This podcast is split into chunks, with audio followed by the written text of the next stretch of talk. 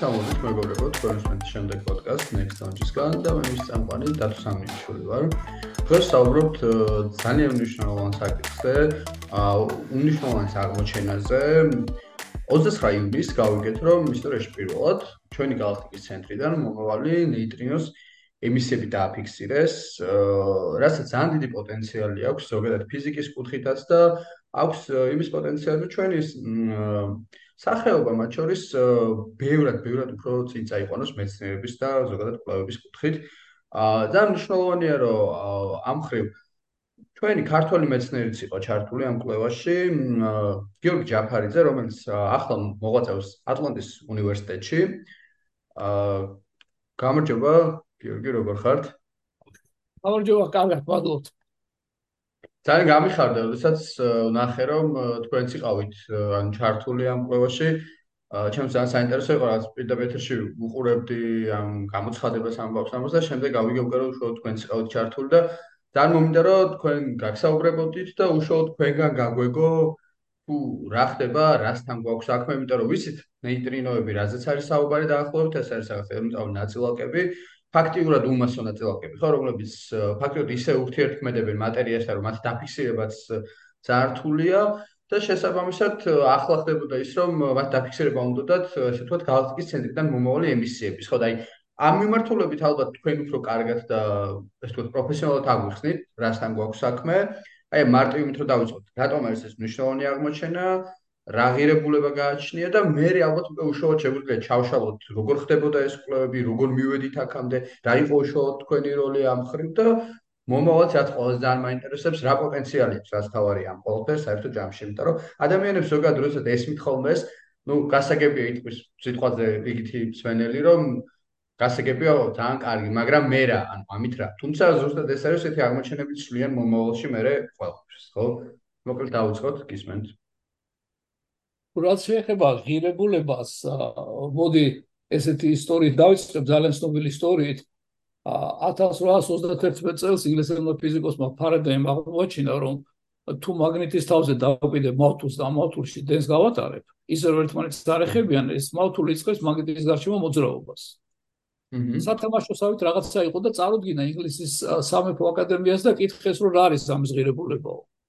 და პარადაიმი უთხრა რომ ნუ არ ვიცი რა აღირებულება უნდა შეიძლება იყოს ახალშობილისგან. ამიტომ პირდაპირ ღირებულება დღეს გარდა იმისა რომ ჩვენს ცოდნას აფართოებს ფუნდამენტალურ პროცესებზე რა თქმა უნდა არ აქვს ახლა რა ხდება მილიარდობით სინათლის წელიწადზე დაშორებული გალაქტიკაში დღეს ფასებზე ეკონომიკაზე მაინც და მაინც ვერ აღისახება. აქსილი მიღირებულება ის რომ იმისთვის რომ ეს ექსპერიმენტი ჩატარდეს გარკვეული მათემატიკური მეთოდები და მონაცემთა დამუშავების მეთოდები უნდა განვითარდეს. იმიტომ რომ ძალიან რთული ექსპერიმენტია და შესაბამისად სპეციფიკური მეთოდები ჭირდება. ამის ისტორია არსებობს ადრეთ ჟენევაში როდესაც აღმოაჩინეს ფუნდამენტური ნაწილაკები ეგრეთ წოდებული W და Z ბოზონები საჭირო იყო ისევ ისეთი მეთოდების შემუშავება რომელიც მოახერხებდა ამ მონაცემთა დამუშავებას. ძირითადი ეს მიზანი არის ის, რომ დაზუსტდეს ის კანონები და ის ურთიერთქმედებები, რომლითაც ხდება კატასტროფა, კატასტროფული ზე მაღალი ენერგიის პროცესების განვითარება სამყაროში, რომელიც პრინციპში შეიძლება გადმოიტანოთ და დაგეხმაროთ თქვა ჩვენი მზის დინამიკის უფრო ზუსტად დაზუსტებაში. ანუ ეს არის პროცესი, რომელიც ეს არის ექსპერიმენტი, რომელიც სწავლობს კოსმოსში მიმდინარე მაღალ ენერგეტიკულ პროცესებს. და აფართოებს და აღრმავებს ჩვენს ფუნდამენტალურ ცოდნას ფიზიკაში და ასტროფიზიკაში. ერთ-ერთი ექსპერიმენტი არის რამოდენიმე ექსპერიმენტი, იმიტომ რომ უკვე ძალიან ძნელი და ძვირია ერთი ერთეული სახელმწიფოს ამის გაკეთება არსებობს ექსპერიმენტის სახელად ანტარესი, არსებობს ექსპერიმენტის სახელად KMNet და არსებობს ასევე ექსპერიმენტი AIS, რომელზეც დღეს ვილაპარაკებთ. AIS Cube. AIS Cube ბარემ ვიტყვი სახელსაც. AIS ეს ინგლისურად ნიშნავს ხინულს. ეს არის ტელესკოპი, ამაზე დაწვრილებით ვილაპარაკებთ ცოტა ქვევით, რომელიც მოთავსებულია 1 კუბურ კილომეტრ ყინულში. ამიტომ სახელად AIS Cube. თუ უპასუხეთ თქვენს კითხვას, შეგვიძლია გავაგზავნოთ. კი, კი, ძალიან მომეწონა, ეგ პასუხი, რომ სხვა შეიძლება მეც მაქვს ხოლმე, ის მახსენდება ხოლმე, როდესაც აი როდესაც ერთი ნატურა აინთო პირობითად რა პირველი და შეკითხვა იყო რომ კარგი ეს ნატურა ავონთეთ და რა. და ის რომ სულ ცოტა ხანში მთელი პლანეტა განათდა ხო? და ის რომ დღეს პირობითად ელექტროენერგიის garaშე წარმოუდგენელია საერთოდ ყველაფერი. და ნუ მე ესე ესე ვხედავ ხოლმე ზოგადად რომ ის რომ რაღაცას ხედავ დღეს აქვს ნიშნულობა შეიძლება პირდაპირ მიშოვოთ პირდაპირ ვერ გავსაზროთ რა მაგრამ ფაქტია რომ მას შეიძლება მოყვეს ძალიან დიდი შედეგები რომელმაც ფუნდამენტურად შეიძლება შეცვალოს, მათ შორის ჩვენი ცივილიზაცია და საერთოდ ჩვენი ცივილიზაციის ეტაპი, საერთოდ შეიძლება ცივილიზაციის რაღაც ეტაპები დავყოთ რა. მარტივად რომ ვიტყოს, იმისთვის რომ თქვენ გამოყენებით მეცნიერება, აუცილებელი პირობაა რომ გქონდეთ ფუნდამენტური მეცნიერება. ციხაბლე შემთხვევაში გამოყენებით მეცნიერებას, ანუ ის რასაც ჩვენ დღეს ვიყენებთ, ვერ მოახერხებთ. აი თქვა ის რაც პარადაიმ გააკეთა, მოვთულო დაბრუნდა მაგის გარშემო, ის უდევს საფუძვლად. ეხლა ჩვენს ურთიერთობას Zoom-ი, ჩვენს ტელეფონს, ადამიანი რომელიც უდათ არის გული მიზდის და ეს მე მაშინ განუხტას აკეთებენ იმით მე სამედიცინო მოწყობილობებით, CT სკენირება, ყველაფერი ეს დაიწყო იმ ერთი პატარა რაღაცი, ამიტომ არ შეიძლება ჩემის აზრით მეცნიერებაში მხოლოდ ისეთი ექსპერიმენტების ჩატარება, სადაც კანონები უკვე ცნობილია. ამით მეცნიერება ჩერდება. და არასოდეს არის ის, როდესაც შე რაღაც ახალს აღმოჩენ, ამას რა რა გამოყენება შეიძლება გქონდეს. არ ვართ ამის თანაჭკვიანები, მაგრამ დელა-დელა ჭკვიანდები და დელა-დელა სწავლობთ. კი ბატონო. კი ბატონო, შეგვიძლია ალბათ უშუალოდ გადავიდეთ, ხო, იმაზე თუ აი ეს აი ეს კუბი ახსენეთ თქვენ და რატომ ყინული და როგორ ხდება საერთოდ ეს პროცესები? ხო, მოდით თუ წინააღმდეგი არ იქნებით ფაილს გავშლი და ნელა-ნელა კი ბატონო, სიამოვნებით. მაგის მიხედვით გავყვები, იმიტომ რომ უფრო მოხერხებული იქნება თან გადაწყვეტი თვალსაჩინობისთვის რაღაც სურათები და სქემები და გამეკეთებინა. კი ბატონო, სვენელისთვის უბრალოდ ხას გაუსვამ, რომ ჩვენ სვენელი ნაწილი შეიძლება გვისმენდეს Spotify-ზე ან SoundCloud-ზე, მათ ვისაც ხმა ესმით მხოლოდ, მაგრამ ვინც შეგიძლიათ ასევე YouTube-ზე ნახოთ ჩვენი ვიდეო, ასევე ნახოთ ჩვენს Facebook გვერდზე, Nextlaunch-ის Facebook გვერდზე, სადაც უშუალოდ ვიზუალური მასალათა შეგიძლიათ ნახოთ და შესაბამისად ბატონი გიორგის პრეზენტაციასაც დაინახოთ. ხო, ბოდიში ცმენელებთან მის ვერ ხედავენ, მაგრამ მე შეიძლება რა შეიძლება დაწვრილებით ვილაპარაკო. კი ბატონო.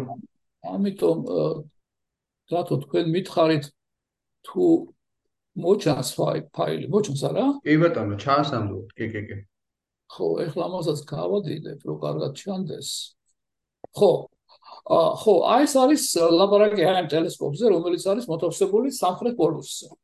აჰა არც ეს არის ითვლება ერთ-ერთ ყველაზე უცნაურ ტელესკოპად, იმიტომ რომ უმრავლესობა ტელესკოპს ტელესკოპების როცა გესმის ადამიანს ფიქრობ რომ რაღაცა რომელიც აში იყურება და რაც შეიძლება მაღლა მთებში რომ სუფთაცას ხედავდეს და არავით არის დაბრკოლება ტელესკოპს და ვარსკვლავებს შორის არ იყოს და ეს კიდე არის რაღაცა რომელიც ჩაფთულია ყინულში. მოდით ამიტომ რამოდენიმე სიტყვით ვიტყვი რა არის ექსპერიმენტი და რა არის ამ ექსპერიმენტის მიზანი. ამისათვის მე დავიწყებ slide shows რომელიც უნდა იყოს აი აქ. ხო. ხო.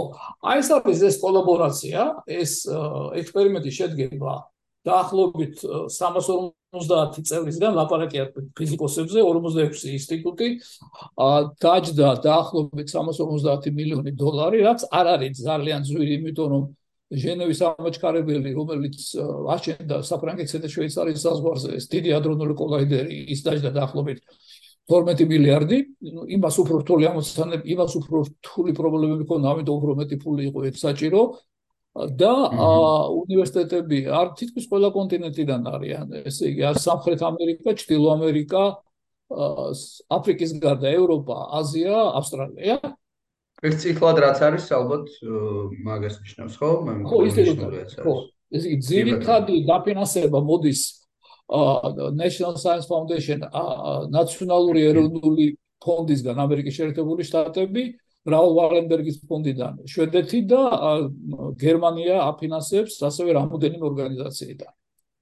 თანაჩენები შედარებით პატარა ქვეყნები თქვა და შვეიცარია ბელგია და ასე შემდეგ ისინი დაფინანსებაზე არიან აი ამ აი ამ სამი ორგანიზაციის ხარჯზე. ხო, როგორც ხედავთ, უფრო აი ჩრდილოეთ ამერიკა და ევროპა იყო უფრო დაკომპლექტებული, ну, გაწითლებული წერტილები.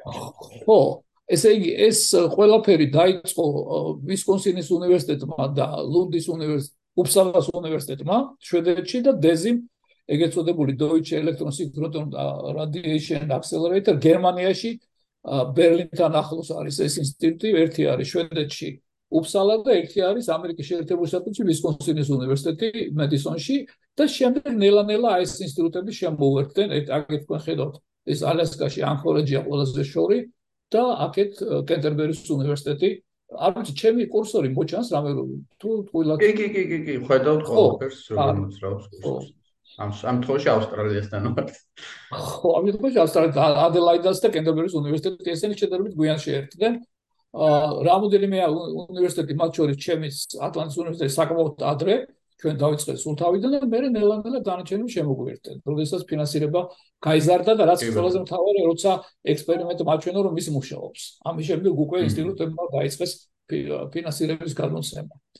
ხო, ეხლა თვითონ ეს ექსპერიმენტი მოკლედ გეტყვით, ესე იგი მიზანი არის კოსმოსური სხივების დაკვირვება, მაღალი ენერგიების კოსმოსური სხივების, ცოტა ქვევი ვიტყვი, ეს ზემაღალი ენერგიები რა არის და რატომ აი ამ ზემაღალი ენერგიები და მექანიზმის დადგენა და დაზუსტება როგორ ხდება ამ კოსმოსური სხივების გამოსხივება რა არის მექანიზმი და რა ხდება იმართება ამ კოსმოსურ სხივებს სანამ ჩვენამდე მოაღწევენ.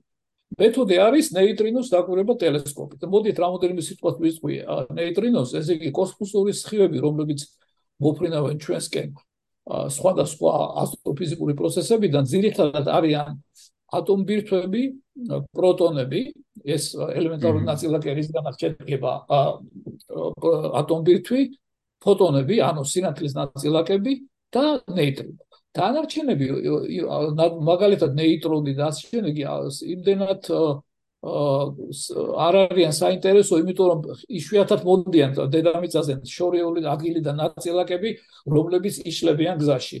პროტონი პროტონი, ფოტონი და ნეიტრინო ეს არის ნაწილაკი, რომელიც არ იშლება, რომელიც რომელიც სიცხლის დრო უსასრულო, ანუ განუწყვეტლივ არსებობს.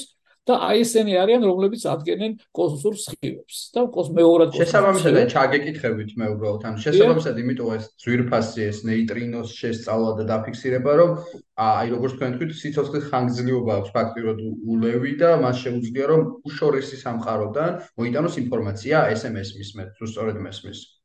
დიახ და კიდევ ერთი რამ რაც ძალიან მნიშვნელოვანი და ძვირფასია ამიტომ შემდეგ სლაიდზე გადავალ ამაზე ესე იგი მოდი ერთ წუთი აქ შევხედოთ რომ ეს მუხტი არ აქვს.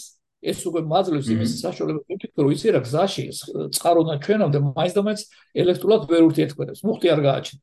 ამიტომ გზაში რაღაცა ელექტრული და მაგნიტური ველი თუ შეხვდა ის მას მიმართულებას ვერ შეუცვლის და ეს მე ძალიან მინდა იმიტომ რომ მე მინდა ისეთი სიგნალი ისეთი მოვიდეთ ჩემამდე რომ გზაში მან მიმართულება არ შეიცვალოს. იმიტომ რომ ჩემ თორ მოდი ჩემ თვალში რომ ხედავ მე უნდა გავაყოლო თვალე ამ მემართულებას და იმან თუ გზაში სადღაც მოუხვია მე სინაგრეში სულ სხვაგან გავიხედო ამას ძალიან მარკივად აჩვენებს ერთუთ ხო ნეიტრინოებზე სანამ ლაპარაკობდით ვინ არიან ეს ნეიტრინოები? ესე იგი საიდან შეიძლება ისინი დავინახოთ? დედამიწის გულიდან მოდიან რადიოაქტიური პროცესიდან ცოტა ჩვენს გვაქვს ჩვენს სხეულში იმიტომ რომ ჩვენ გვაქვს იზოტოპები რომლებიც იშლებიან მაგალითად რადიოაქტიური კალციუმი კალციუმის იზოტოპი ამაჩქარებელზე უმეტესობა მოდის ბზიდან მოდიან ვარსკვლავების აფეთქებიდან ანუ კატასტროფული ზეენერგიული კოსმოსური პროცესებიდან ასევე მათ ხედავთ ვირტუალ რეაქციებში მაგალითად ვირტუალ რეაქტორში. და ასევე მოდიან როდესაც კოსმოსური სხივი ეცემა ჩვენს ატმოსფეროს აი ამ ნაწილს რომელიც ჩვენ გვიცავს კოსმოსური გამოსხივებისგან და ურთიერთქმედებს ატმოსფეროში ჟანგბადი ძირითადად ჟანგბადი რაზოტია როგორც ვიცით ურთიერთქმედებს მოლეკულებთან და შემდეგ წარმოშობს ამ მეორად დაწილაკებს აი აქ აი ნეიტრინოებს. 1 2 3 მაგალითად ამ შემთხვევაში ამ ურთიერთქმედებამ გააჩინა სამი ნეიტრინო. რა თქმა უნდა აჩენს უამრავს. ეხლა რატო არის ძალიან მოსახერხებელი ნეიტრინო ჩვენთვის? აი ამიტომ. აა ესე იგი, როდესაც რა ხდება, როდესაც მაქვს რაღაც კატასტროფული ასტროფიზიკული პროცესი, იქიდან როგორც წესი წებს მატერია ვარდება იმისთვის რომ შექმნას რაღაცა სინგულარული მდგომარეობა შავი ხროლისნაირი ზემძიმე ობიექტი და რაღაცა მატერია გამოიტყორცნება ეს გამოიტყორცილი მატერია ძირითადად არის პროტონები და ეს პროტონები ურთიერთქმედებენ მატერიასთან, რომელიც აი ამ ასტროფიზიკური პროცესის გარეთ არის. ეჯახებიან და ქმნიან პროტონებს, რომელიც აქ წვანე ხაზით არის მონიშნული, ნეიტრინოებს, რომლებიც წითელი ხაზით არიან მონიშნული და ფოტონებს, ანუ სინათლეს, რომელიც ყვითელი ხაზით არის მონიშნული. ეხლა რახან ნეიტრინოს და ფოტონს მუხტი არ გააჩნიათ, ამიტომ არანაირი მაგნიტური ველი, გინდაც ინტერგალაქტიკური, გინდაც პლანეტარული მაგნიტური ველი მათ მიმართულებას არ უწევს. ამიტომ როგორც გამოფრინდნენ წყაროდან, ისევ ისე მოფრინდნენ. წარმოიდგინეთ, თუ არის რაღაცა შუბი, რომელიც გასწორებულია და მოფრინავს წყაროდან თქვენი თვალისკენ. აი რომ გაიხილოთ ამ შუბის მიმართულებით, თუ კარგად შეგიძლია დანახოთ, დაინახავთ იმ წყაროს, საიდანაც გამოფრინდა შუბი. მაგრამ პროტონები, აი ეს რომელიც სვანე ღზოლი ხაზით არის მონიშნული, მათ მაგნიტური ელექტრული ვეხტი ველი გააჩნიათ და ამიტომ ელექტრული და მაგნიტური ვერთმანება ძირითადად მაგნიტური ველი მათ მიმართულებას აცვლებინებს. და ამიტომ დედამიწაზე ანუ ესე ესე როგორც ბოდიშო ჩაკეთან ზემოქმედებაც განიცდის ხო? მე როგორც მესმის ნეიტრინოსგან განსხვავებით. და იცვლის და თქვა პირდაპირ მნიშვნელობით ესე აღარ მოდის. ხო. ამიტომ მე როდესაც პროტონებს უყურებ დედამიწაზე მე სინამდვილეში თლა დარწმუნებული არა ვარ მე ვარ სულ მევართულებას ხედავ იმიტომ რომ ამ წვანები ხას რო ესე გავაყოლო ხები თვალი სულ სხვაგან გავიხედე აჰა. აჰა. ბოდიში ეს არ უნდა მეკითხა და ხო და ნეიტრინოებს აქვთ უპირატესობა და ასევე არიან პრობლემატურები ერთი და იგივე რაღაცის გამო. ისე იგი თითქმის არ ურთიერთმოდებენ. ეს არის ძალიან დიდი უპირატესობა, იმიტომ რომ იმ წყაროში სადაც ეს გრავიტაციული და ელექტრული ძლიერი ველებია და ხდება ეს კატასტროფული პროცესები, ეს ნეიტრინო გამოძრება ამ პროცესიდან თითქმის ურთიერთქმედების გარეშე. ის ურთიერთქმედების ყველანაირ მატერიასთან და ყველანაირ ველთან ძალიან ძალიან სუსტად მილიარდში 1 თუ შეეხება რაღაც მატერიის ნაწილს. ამიტომ ეს ძალიან კარგია ჩვენთვის იქამდე სანამ ისინი მოფრინავენ ჩვენსკენ, იმიტომ რომ მიმართულება არ იწლება. და ამიტომ მე ვიცი სად უნდა გავიხედოთ, სად დიდია და მე არ მინდა იმის თანა მიმართულებაში გავიხედო, სადაც სინოვის წყარო არ არის. მაგრამ რომ მოფრინებიან დედამიწაზე ეს თითქმის არ უთერთქება, უკვე პრობლემატური ხდება, იმიტომ რომ ხონა დავინახო ეს ნეიტრინო საიდან მოხდა. აჰა. ამ ნეიტრინოს დანახვა არის ამ ექსპერიმენტის ერთ-ერთი ძირითადი პრობლემა და ერთ-ერთი ძირითადი ამოცანა, რომელიც გადაწყდა ძალიან აა ძალიან წარმატებით როგორ უნდა მოხდეს ეს დანახვა, მოდით ამიტომ აქ ერთ ჩაგიკითხებით ისე, ანუ აქამდე როგორც ვიცი, ნეიტრინოები რა თქმა უნდა დაფიქსირებული იყო, უბრალოდ აქ ახლა მთელი იდეა და მთელი ის დადებითი ესე ვთქვათ, ანუ ის არის, რომ მოხდა ანუ galaktikis ცენტრიდან მომავალი ნეიტრინოების დაფიქსირება, ანუ შორი მანძილიდან. სწორედ მესმის ეს? უფრო ადრე კიდე უფრო სხვა მანძილებიდანაც გააკეთა იგივე ექსპერიმენტი. ამიტომ ამიტომ ეს ეს არ არის პირველი შორი მანძილიდან, უფრო შორეული მანძილებიდან წამოსული არის და ამას ცოტა ხანში ვიტყვით. ხო, აი განსხვავება მაინტერესებს უბრალოდ ძალიან, მაგიტომ რატო არის ეგეც შემდეგ რო ავხსნათ ეგეც უბრალოდ რა განსხვავება ამ შემთხვევაში? აა განსხვავება არის შემდეგი, რომ პირველად მოხდა დაფიქსირება პირველად მოხდა და ამ შემთხვევაში ამ ექსპერიმენტზე ლაპარაკი საბოლოო ექსპერიმენტზე. პირველად მოხდა ჩვენი galaktikis შიგნით დანახვა იმ ნეიტრინოების ნაკადისა, რომელიც აქამდე არ მოჩანდა და ამის დაფიქსირება არ შეიძლებოდა. ამის და ამის შემდეგ უნდა გაირკვეს ეს ნეიტრინოების ნაკადი მეორადია, ანუ კოსმოსური სხივები დაეჯახა ჩვენს galaktikas და მათ დაბადეს ეს ნეიტრინოები თუ galaktikაში არსებობენ რაღაცა უხილავი წყაროები, ოპტიკურად უხილავი, სინათლით უხილავი, რომლებიც ასხივებენ ამ ნეიტრინოებს. შეიძლება ეს იყოს რამით დაკავშირებული, აი სპირობითად რამენაირად, ან ზუსტად რა თქმა უნდა, შეიძლება იყოს ეს დაკავშირებული გინდას ბნელ მატერიასთან ან რამის გავსთან. თუ ესე ალბათ არ არ მგონია თქვა იგივე ჩვენს იმაში ბნელ მატერია ძალიან ზუსტი ურთიერთქმედება აქვს. იგივე ჩვენს galaktikაში ირმის ნახტომში ცენტრალური შავი ხვრელი საკმაოდ შვიდი შავი ხვრელი ემატებს რომ უკვე აღარ ასხივებს, არ არსებობს, არ არის ძალიან ძლიერი ურთიერთქმედება და ასე თქვა დაწყნარებულია ჩვენი galaktika ჩვენ და საბედნიეროდ და ამიტომ ეს არის დაგვინებული მაგრამ შეიძლება არსებობდნენ რაღაცა წყაროები რომლებიც ასხივებენ. შეიძლება არსებობდნენ ასევე კოსმოსური სხივები აი ეს პროტონები აი ეს რომლებიც ეჯახებიან ჩვენს galaktikas იქ ქმნიან მეორადებს ისე როგორც აი ამ სურათზეა მეორადები აი ციტელი ნეიტრინო. ეხლა მომენტში ის ამის გარკვევა. ის რაც შეიძლება ზუსტად ითქვას და უნდა ითქვას ზუსტად არ არის არ უნდა თქვა ის რაც არ ვიცით, ის რომ პირველად დავინახეთ ჩვენს galaktikაში ნეიტრინოები, ჩვენი galaktikიდან ნეიტრინოების ნაკადი. ანუ არაერთი, არამედ ბევრი, ბევრი წყარო, ამასაც ცოტახანში დავინახე. ჩვენი galaktikis მიღმიდან თუ დაგვინახავს აქამდე. კი. ესე ჩვენ დავინახეთ უფრო ადრე. ხო, აი ხა არის რომ ეს galaktikიდან მოდის უშუალოდ და ეს არის. ხო, ამიტომ ჩამოთვლილი მაქვს საკრამოდ ის ის მნიშვნელოვანი ექსპერიმენტები, რომლებიც ის მნიშვნელოვანი აღმოჩენები, რაც ამ ექსპერიმენტმა გააკეთა და ეს არის რამოდენიმე სულ და სულ განასკნელი არის galaktikis სიბრტყიდან. და რაც და დანარჩენი არის სხვა galaktikებიდან, ძალიან შეურიო მანძილები. აჰა. კი ბატონო. ეხლა ეს ხშირად გაისმის ხოლმე ესეთი სიტყვები multi messenger astronomy, ანუ სხვადასხვა სიგნალების სხვადასხვა შეკრიგის ასტრონომია, ანუ როგორ ხედავთ მე ობიექტ ასტრონომიულ ობიექტებს იმის და მიხედვით რა ტელესკოპით უყურებ, ანუ რა ნაწილაკებით უყურებ. და ერთ-ერთი კარგი მაგალითი არის კიბორჩ ხალასნის ლეული. ეს არის ვარსკვლავი, რომელიც აფეთქდა 1054 წელს ჩვენს galaktikაში, ირმის ნახტომში და სხვადასხვანაირად მოჩანს იმის და მიხედვით რა ნაწილაკებით უყურებ, რა ტელესკოპით უყურებ, აი ასე. ესე იგი, ეს არის მარცხენა, ეს არის ოპტიკური, რასაც თვალით უყურებ. კარგი ტელესკოპი თუ გაქვს და სულთა საშიტო ხარ შეიძლება ეს დაინახოთ, ეს კი მოშალა. ეს ინფრაწითელი ხო არ არის? აქეთა მარჯვენა არის ინფრაწითელი. კი ბატონო. ეს არის ჩემთვის ძალიან საინტერესო და ძალიან მომწონს. ეს არის ультраისფერი, ანუ რენტგენის სხივებზე უფრო მაღალი ენერგიის მქონე ფოტონები და აი აქ თქვენ ხედავთ სტრუქტურას. როგორ ტრიალებს მატერიალ იმ ცენტრის გარშემო, რომელიც იყო ავარსკვლავის აფეთქება. და ამ ტრიალის დროს ეს ეს მატერია ამ ცენტრისკენ ჩაიზრდება და ნაწილია მატერიისა გამოსხივდება წინ და უკან ჭავლების საშუალებით. მმ, გამოიწვია. როგორც ხედავთ, ეს იგი სხვადასხვა დიაპაზონით, სულ სხვადასხვა სურათს ხედავთ, სულ სხვადასხვა ფიზიკას ხედავთ. აი მაგალითად, ამას რო უყურო, ვერასოდეს ვერ გავიგებ, რომ სინამდვილეში ეს არის აი ესეთი სურათი, კლასიკური სურათი, რომ მატერია ვარდებოდა ვარსკვლავის ცენტრისკენ. ამიტომ ძალიან მნიშვნელოვანი იქნება ნეიტრინოსი დავიდახოთ. იგივე სურათი და აი ნეიტრინოთი ჩვენ დავინახეთ.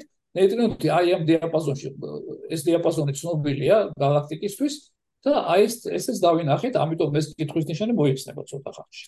რამოდენიმე წუთში. აჰა, ანუ ესე იგი აქ საუბარი არის იმაზე, რომ ფაქტიურად ანუ შეგვეძლოს, ანუ ახალი სათვალე გავიკეთოთ, რომელიც ვაფშე საერთოდ ახალი და ახალი სათვალე გავიკეთოთ, რომელიც ახალ რაღაცებს დაგვანახებს. ახალგანზომილებებს პირობითად.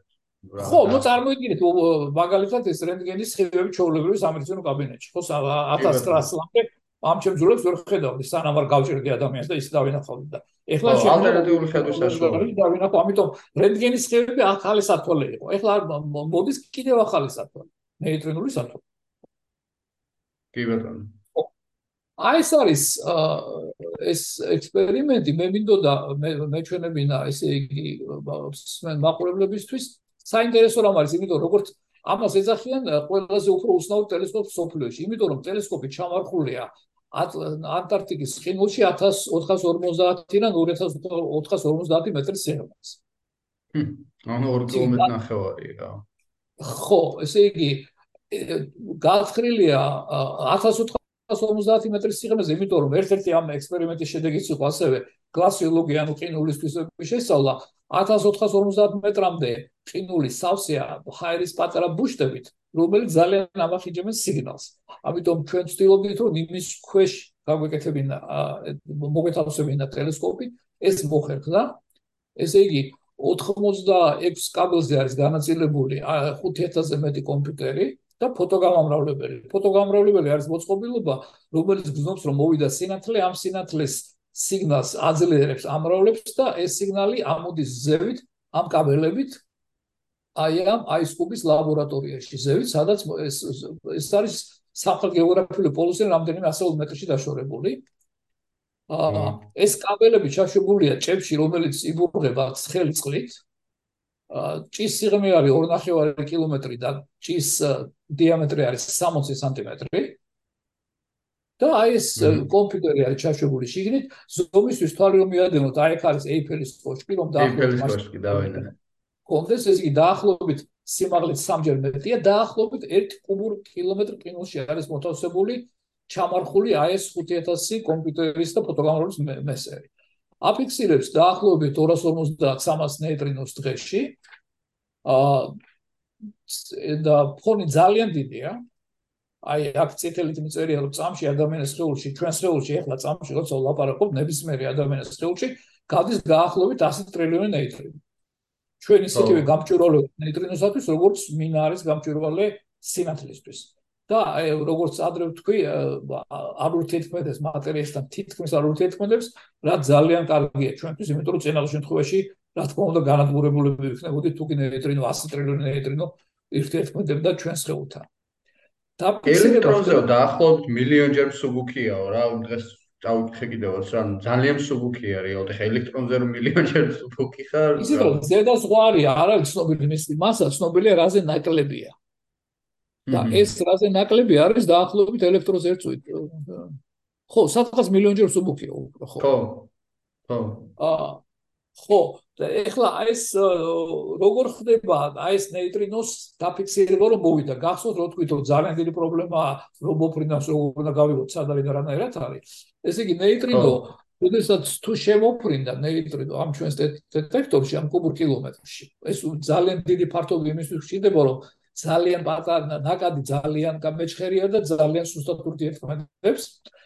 ამიტომ ერთმა თუ ურთიერთქმედა ეს გააჩენს მძიმე დამოხტულ ნაწილაკს ელექტრონის ნაირს ოღონდ 200 ჯერ უფრო მძიმეს მიონს ან ელექტრონს. ამ ურთიერთქმედების შედეგი იქნება უკვე დამოხტული ნაწილაკი ან ელექტრონი ან მიონი მიომეზონი რომელიც ეს უკანასკნელი ასრულებს სინათლეს ყინულში. და აი ეს ფოტოგამომრავლებლები ეს 5000-ზე მეტი ფოტოგამომრავლებელი აი ამ სინათლეს აფიქსირებენ და ზევით ამ კაბელით აგზავნიან სიგნალს სიგნალია შედეგი ჩემთან ამ დროს მოვიდა აი ესეთი სიკაშკაშის სინათლე. ამიტომ ესე იგი ყოველ წამში მოდის დაახლოებით 100 მილიონიდან მილიარდამდე სიგნალი. ამ სიგნალების გადარჩევა საჭირო რა თქმა უნდა, იმიტომ რომ სულ ყველაფერი ნეიტრინო არ არის, ზოგი ჩვეულებრივი მიონია, ზოგი არის მაგალითად დედამიწის ცენტრიდან წამოსული რადიოაქტიური გამოსხივების შედეგი და ასე შემდეგ. და ეს მონაცემები პირველადი დამუშავების შემდეგ ნაწილი თანამგზავრით და უმეტესობა კი თვითრნავით მაგნიტური ლენტებით. მაგნიტური ლენტები, აი როგორც მაგნიტოფონის ლენტები, ჩვეულებრივი გადადის ჩრდილო ნახევარსფეროში, სადაც უკვე იწყება ანალიზი. ანუ დედააზრი ამ ექსპერიმენტის ტექნოლოგიის არის ის, რომ მე უნდა აღვადგინო ნეიტრინოს მიმართულება. ნეიტრინოს მიმართულების აღდგენა ხდება შემდეგნაირად. ა მე უნდა იმ მოცული სიგნალებით, იმ უამრავი მოსული მოსული სიგნალებით აღვადგინო იმ კოსმოს იმ ნაწილაკის მიმართულება, რომელმაც ეს სინათლე გააჩინა. ნუ რო აღვაჩინა, აღვადგენ იმ ნაწილაკის მიმართულება, რომელმაც ეს სინათლე გააჩინა, აქედან ამ ნაწილაკის მიმართულებიდან გავადგენ იმ ნეიტრინოს მიმართულებას, რომელმაც ეს ნაწილაკი გააჩინა. ორსაფეხურიანი პროცესია. და ძალიან მოხარული და კმაყოფილი ვარ, რომ ჩემს მე მოფიქრებული ალგორითმი ჩადებული ამ ჩვენი კომპიუტერი, ამ ჩვენი ექსპერიმენტის software პროგრამაში და ეხმარება ექსპერიმენტს რომ დაადგინოს მიმართულება. რა ძალიან მნიშვნელოვანია თქვენ გინდათ რა შეიძლება ნაკლები გადახრა კონდეთ რეალური მიმართულებისგან. იმიტომ რომ სამყარო ძალიან დიდია და ძალიან შორს რო ეხედებით 1 გრადუსით ან 9 გრადუსით რო სხვაგან გაიხედოთ, ძალიან დიდ მანძილზე აბსოლუტურად სხვა გალაქტიკას უყურებთ. ამიტომ მიმართულების დადგენა და მინიმიზაცია ძალიან მნიშვნელოვანია. სრულიად ზუსტი უნდა იყოს ასე დროს მიმართულება პრაქტიკულად. რა შეიძლება ზუსტი უნდა იყოს, ხო? ხო, და ეს არის ზევით ამ იმაში, რა ქვია, სადგურში. ხო. ამ სურათზე თქვენ ხედავთ ამ სადგურს, რომელიც შედარებით ახალია, ადრე ერთი პატარა ბუდუგანა კოხი იდგა და ორი სტუდენტი იყო ხოლმე, ეხლა ორი სტუდენტი და რამოდენიმე ადამიანია, რომლებიც ატარებენ აა 6 თვეს, ოდესაც 6 თვიანი ღამეა სამხრეთ პოლუსზე, იმისთვის რომ ეს თუ ექსპერიმენტში თქვა კომპიუტერებს რამე დაემართა, კაბლებს რამე დაემართა, რამეღაერად მიხედონ და სტუდენტებს ძალიან უყვართ სხვათა შორის ამ სამხრეთ პოლუსზე ჩასვლა, იმიტომ რომ დაახლოებით 45-დან 55000 დოლარი ეხდებათ ამ იმის განმავლობაში, 6 თვის განმავლობაში, პლუს უფასო ცხოვრება, პლუს უფასო ჭაბადა, პლუს ასეთი საინტერესო ადგილას ყოფნა. აა და სურათზე ხედავთ და ამ სადგურს ეს არის სამხრეთის ციალ ეგეც უძე ასტრალ ბორეალისი და ეს არის აი აქ დროშები ჩანს, არ ვიცი თქვენ ხედავთ თუ არა. კი, კი, კი, კი ჩანს კი ეს ჩართული სახელმწიფოების ალბათ, ხო? არა, არა. ეს დროშები არის ეს დროშები არის შემდეგ, ესე იგი, აი იქით უნდა წახვიდეთ აქიდან, უნდა წახვიდეთ და მიხვიდეთ აი ამ სადაც არის ეს კაბელები სადაც ამოდიან. აა ეს დროშები არის იმისთვის, რომ თუ გარეთ თოვლი და ქარბუქია. ხო. თქვენ გადადგავთ დაახლოებით 5-6 ნაბის არასწორი მიმართულებით, უბრალოდ მოკვდებით. გზას უღარ პოულობთ. რო არ დაიკარგო. ხო, ხილვადობა არის დაახლოებით 40-30 სანტიმეტრი ხარბუქის დროს. ამიტომ ცდილობენ რომ არ გავიდენ, მაგრამ ეს დროშები იმისთვის დაახლოებით მეტრის მანძილზეა და ეს დროშები ერთმანეთისგან, რომ დროშიდან დროშამდე იარო თუ მაინც და მაინც ასვლელი. აჰა.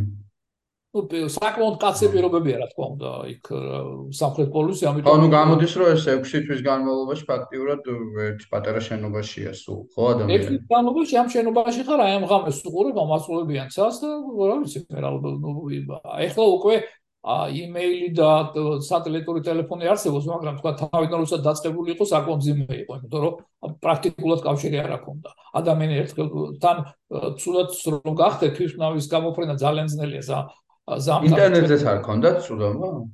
ბატონო? ინტერნეტზე არ იყო წვდომა? ანუ არა, ეს დაიწყო 2001 წელს, 2001 წელს ჯერ არ იყო ინტერნეტი ისე აა, ხო, თავიდან ხო. არა, ეხლა კი. ხო. ხო. ეხლა კი, მაგრამ მაინც ძალიან მაინც ძალიან მწირია შედარებით ჩვენთან, იმიტომ რომ თანამგზავრი უნდა იყოს იმის თავსა და ასე შემდეგ. ხო და ეს სურათი როგორ ითხრება ეს ყველაფერი? აი აქ ჩემი კურსორი თუ მოჭას, აი ეს პატარა კოჩკის გავსი ფიგურა არის ის საიდანაც ხდება გათხრა ყინულის. აჰა. და ეს სადგური საიდანაც მიდის ენერგია იმის რომ წყალი გააცხელოს და აი ეს ნამდვილი სურათი ფოტოგამომრავლებელი და კომპიუტერი იწყებს დაშვებას ყინულში 2.5 კილომეტრის სიღრმისკენ. და ესე იგი ჩაითხრება 90 გრადუსიანი წყალი 750 ლიტრი წუთში გადაიქცევა წყლად. და ეს მასშტაბები, ესე იგი მასშტაბები არის, აი ეს ტელესკოპი დასრულდა 2011 წელს, რა თქმა უნდა სამუშაოები ტარდებოდა როცა დღეა, ანუ დღე სამხრეთ პოლუსზე არის ნოემბერი, ფებრვარი. აა გაბურვას უნდა დაახლოებით 11-12 საათი, შემდეგ ეს წყალი იყინება უკან დაახლოებით დღენახევარში და ამის შემდეგ ჩვენ უკვე ვიცით ფოტოგამომრავლებლის პოზიცია სად არის, იმიტომ რომ მე როდესაც სინათლე გამო როდესაც გამომევა სიგნალი რომ ეს და ეს ფოტოგამრავლებელი გადმოსა სიგნალი რომ სინათლე მოვიდა მე უნდა ვიცოდე სად იყო ეს ფოტოგამრავლებელი იმიტომ რომ გეომეტრია უნდა ავადგინო მიმართულება უნდა ავადგინო. საკმაოდ დიდი ფასი ამ ექსპერიმენტის იყო ტრანსპორტირება და საწვავი აი აქ ხედავთ რომ 19000 ლიტრი მაღალ ოქტანური საწვავი უნდა თვითონ ჩას 750000 ლიტრი ყინულ წყალს ლიდნება დაახლოებით და რამოდენიმე საინტერესო ფაქტი, რომელიც აღმოაჩინეთ თროცა ხრიდით, რომ ეს არტარქტიკის ყინული მოძრაობს ჰორიზონტალურად შელებად ღრმა სიღრმეზე სიღრმეზე სადღაც 15 1500 მეტრიდან. სიჩქარე არის დაახლოებით 1.3 მეტრი წელიწადში, ამიტომ დაახლოებით 10-15 წელიწადში კაბელები დაიწყებენ წყდომას, იმიტომ რომ ეს ყინული, რომელშიც ჩაყინული ეს კაბელი მიაჩოჩებს ამ კაბელს ჰორიზონტალურად მარჯვნივ ესენი გაწყდებიან და ტელესკოპი ნელ-ნელა დადუმდება. იმიტომ რომ სიგნალ კაბელებით გაწყდება სიგნალები აღარ ამბობ. ერთ-ერთი ჭის გაბურებისას 1850 მეტრის სიღრმეზე აღმოჩნდა ყინულქვეშა ტბა, ანუ წყალი და ის ჩადაილუკა სასწრაფოდ, იმიტომ რომ თქვენ არ გინდათ რომ ძალიან დიდი ხნის წინ შექმნილ ტბიდან ამოიღოთ რაღაცა სინჯები და რაღაცა მოხდა. ეს უკვე ბიოლოგების და ბიოფიზიკოსების საქმეა, უცნობია სად არის ეს ეს თვა მეტი არაფერი და როცა მოინდომებენ იმას ის ამ შენ შემთხვევით წააწყდა ეს ბურგი ამ ჭას. და აი ეს სადური მასშტაბი ეს არის ეს სადური და ეს კი გახლავთ თვითონავის საიდანაც მოდის საიდანაც ჩამოდიან ჩამოაქვს მოწყობილობები თხილამურებიანია, იმიტომ რომ როგორც ცდილობენ რომ არ გაჩერდნენ, ამიტომ თვითონავი რომ დაждდება ნელა-ნელა მოძრაობს და უკიდან ყრიან სპეციალურად შეფუთული ყუთებით მოწყობილობებს, უკან მიყვება ეს ხალხი, ვინც აქ მუშაობს, ეს სტუდენტები კრიფავენ და მე თვითონ გაფრინდება ისევ მაგმერდოში, ანუ ატლანტი, ანუ ნათერგის დედაქალაქში. ხო, ბოდით ახლა ისევ ცოტა ფიზიკაზე გადავიდეთ. ესე იგი აღმოჩნდა რომ ანტარქტიკის ღრმა ყინული არის ბუნებრივად ყველაზე გამჭვირვალე გარემო. სინათლის ინტენსივობა ნახევარჯერ ეცემა დაახლოებით 150-170 მეტრში. ანუ ძალიან გამჭვირვალეა შუშაზე უფრო გამჭვირვალე ეს ნიშნავს რომ თუ კი სინათლე წარმოიშვება გინდათ შორს იყოს ჩემი მოწყობილობისგან ჩემი კომპიუტერისგან და ფოტოგამრავლისგან მაინც დავინახავ იმიტომ რომ მოახსევ ჩემამდე იმის დაშვებით რომ გზაში არაფერი დაემართება და გზაში არაფერი დაემართებაზეც გეტყვით და ერთ-ერთი მთავარი რასაც ჩვენ უყურებთ სანამ იმ აღმოჩენებზე გეტყვით რომელიც ესეც დღევანდელი ჩვენი პოდკასტია იყოს ზემაღალი ნეიტრინოების დაფიქსირება და იმისთვის რომ ზემაღალი ნეიტრინო დავაფიქსირო მე უყურებ ჩემს მოწყობილობით ვიყურები ზევიდან ქვევით. ანუ მე უყურებ იმ ნეიტრინოებს რომლებსაც თელი დედამიწა გამოიარეს ჩრდილო პოლუსიდან სამხრეთ პოლუს სამხრეთ პოლუსამდე. თელი დედამიწის გამოვლისას დაბალ ენერგეტიკული ნაწილაკები და დაბალ ენერგეტიკული გამოსხივება შეიტანხმება ამიტომ სიგნალი უფრო მკაფიობოდის ქვევიდან ზევით. თუ კი მე მინდა ძალიან მაღალი ენერგიების ნეიტრინოების დანახვა. ეს იყო ერთ-ერთი მიზანი ამების. აქ ხედავთ ჩვენ სტუდენტ სტუდენტს რომელსაც უკავია შუშის იმის რა ქვია ფაჯრის ფონზე ყინული ამოჭრული იმ ჭიდან მართლაც გამჭირვალე. ო. აი სურათ, ეხლა მოდი რამ გეტყვით ეს რა ხდება აქ. ესე იგი, როდესაც ნეიტრინო ეჯახება რაღაცა მატერიას აი ამ ტელესკოპში, როგორც მე თქვი, ის ის ქნის დამუხტულ ნაწილაკს, ან ელექტრონს, ან ძიმე ელექტრონს მიონს და ეს დამუხტული ნაწილაკი მოძრაობს სინათლის სიჩქარეზე უფრო სწრაფად გარემოში. ანუ თქვა ყინულში სინათლის შემკრე რადგან სინათლე ნელდება ხო როგორც ვიცი ესე შემკრება შედა ყინულში სინათლე ხო იმ გარემოში სინათლის სიჩქარის გაცვლება ნელდება გააჩნია გარემოს ზოგში ნოლია თუ დაუხედე თქვა პიცარს მორჩარი სინათლე მეტარ გავრცელდება ხო? ამიტომ იმ მაშინ როდესაც ესეთი სიტუაცია რომ ნაწილაკი მოძრაობს სინათლის სიჩქარეზე მეტად და ჩვენი ნაწილაკები მაღალ ენერგეტიკულები არიან ანუ მაგნეტ თითის სიჩქარე აქვს მაშინ წარმოიშვება ძალიან სპეციფიური გამო. ოდეში აი ერთ შეგეკითხებით, იცი ჩემო მსმენელს დააინტერესებს ეს მაღალ ენერგეტიკულ ნაწილაკს როგორ ამბობთ და შედარებით დაბალ ენერგეტიკულ ნაწილაკს. აი პატარეთი ხო არ აგვეხსნებს მსმენელისთვის რას გულისხმობთ ზუსტად, იმიტომ რომ შეიძლება ვიღაცამ არ იცოდეს. ო, მასშტაბი გინდათ ენერგიით ხრათ? ხო, ან განსხვავება რა არის მაღალ ენერგეტიკულსა და სიტყვის დაბალ ენერგეტიკულს შორის? ძალიან პირობითია, დამოკიდებულია იმაზე რა პროცესი უყურე. აი თქვა, აი ახლა ამ შემთხვევაში, როდესაც აი ამ ამაზე ვლაპარაკ, რომ ეს მაღალ ენერგეტიკული ნაწილაკია, რომელიც მოძრაობს სინათლის სიჩქარეზე სწრაფად, მაშინ მისი ენერგია არის დაახლოებით რამდენჯერმე მეტი, ვიდრე ის უდიდესი ენერგია, რაც მიღწეულია აი მასში, ჟენევის დიდ ლამაჩქარებაში. კოლაიდერში. ხო. ბატონო. ნუ შემიძლია გითხრათ ერთეულებით გევები და ტევები, მაგრამ მეც სულ ბევრს არაფერს არ ეთქვის. ხო, არა, უბრალოდ ატომური ბომბის აფეთქებაში ერთეულოვან აქცე გამოყოფილი ენერგიაზე ბევრად მაღალია. ატომური ბომბი იმიტომ არის დამანგრეველი, რომ ბევრი ასეთი. აქ აქ რა 1-2 საფინანსელაკია და ამიტომ არაფერი არ ხდება. დაახლოებით გეტყვით, ესე იგი იმის მოდით ერთეულებით გეტყვით. ჟენევის ამაჩქარებელის უმაღლესი ენერგია, რაც მიღწეულია, რაც შეგიძლიათ მეაქციოთ, ორი ნაწილაკის დაჯახებისას არის 16 და ერთეული არის ტევი. აი ეს ნაწილაკები იწებენ, მათი ენერგია იწება დაახლოებით 9 ტევიდან და ამის დაახლოებით 1000 ტევამდე. ჰმმ. ამიტომ ძალიან მაღალი ენერგეტიკულები არიან იმ ენერგეტიკულ მასშტაბებთან შედარებით, რაც ჩვენ გვაქვს დღეს დედამიწაზე, თავისი ატომური აფეთქებებით იქნება თუ თქვა მზის გამოსხივებით, რომელიც დედამიწამდე მოდის. აი, როდესაც ეს გამოსხივება ეს ნაწილაკი მოუფრინავს, აი აქ ის ასხიებს ლურჯ სინათლეს, რომელიც აქვს აქვს იდეალურ შემთხვევაში კაცრი კონუსის ფორმა. და აი ეს ნაწილაკი ეს ფოტოგამრავლებლები რომელსაც თქვენ აღხედავთ ჩაშვებული ყინულში აი ამ სინათლეს აფიქსირებენ იმის დამიხვდით ეს რომ მოძრაობს ეხლა დაინახოთ მოძრაობა ცოტა ხანში სხვადასხვა ფოტოგამრავლებლები აგზავნის სიგნალს და აქედან მე უკვე ვიცი რა უნდა ვქნა მე უნდა აღვადგინო აი ამ კონუსის ფორმა. ამ კონუსის ცენტრი მიმართულება ეს არის იმ ნაწილაკის მიმართულება რომელსაც შექმნა ეს კონუსი და აი ამ ნაწილაკის მიმართულება თითქმის იგივეა, უდრამ განსხვავდება ჩვენ ვიცით რამდენად იმ მიმართულებისგან საერთოდ ამ მიმართულებიდანაც მოფრინდა ნეიტრინო. და აი გამოსხივება ხდება შემდეგნაირად. ესე იგი, ორნაირი გამოსხივება. ეს არის როდესაც ელექტრონი შეიქმნება მოფრინდილი ნეიტრინოდან, ანუ ნეიტრინო მოფრინდას ჩემს სად არის ჩემს იმაში დეტექტორში და შექმნა ელექტრონი არის სიმეტრიული სფერული გამოსხივება.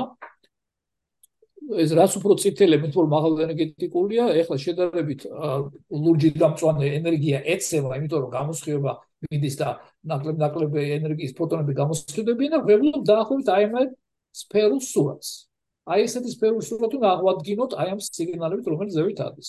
მაგრამ თუ მოფრინავს აა ანუ ამას ქვია ღვარი და თუ მოფრინავს მძიმე ელექტრონი მიონი ის ძალიან დიდხანს მოძრაობს და ძალიან დიდხანს ასხიებს მიმართულებას არიწვის დაახლოებით აი ესეთი სურათია. აი ეს არის სურათი როგორ მოძრაობს მიონი ეს მოძრაობს როგორც რაღაცა სახასავი როგორც რაღაცა ჯოხი ამიტომ მე თუ ავადგენ მიმართულებას მე დავინახავ საერთოდ მოფრინავს ნეიტრინო და როგორც ხედავთ როდესაც მოფრინავს მიონი რომ მძიმე ელექტრონი მიმართულებას აღდგენა უფრო ადვილი აქ ამ სფერულ მიმართულებაზე გავგებარია პრინციპში ოპერა ჩემელეთრო ეს არის ეს ორი ძირითადი ბოლენა რაც ხდება დეტექტორში აქედან აღვადგენ შობილი ნაწილაკის მიმართულებას და შობილი ნაწილაკის მიმართულებას აღვადგენ მისი შობილი ნეიტრონის მიმართულებას და ამის შემდეგ ვიცი ნეიტრონის ენერგია დაახლოებით წარმოგვიდგენა გვაქვს რანაირი პროცესი რა მოვიდა და ვიცით მიმართულება დაახლოებით წარმოგვიდგენა გვაქვს რა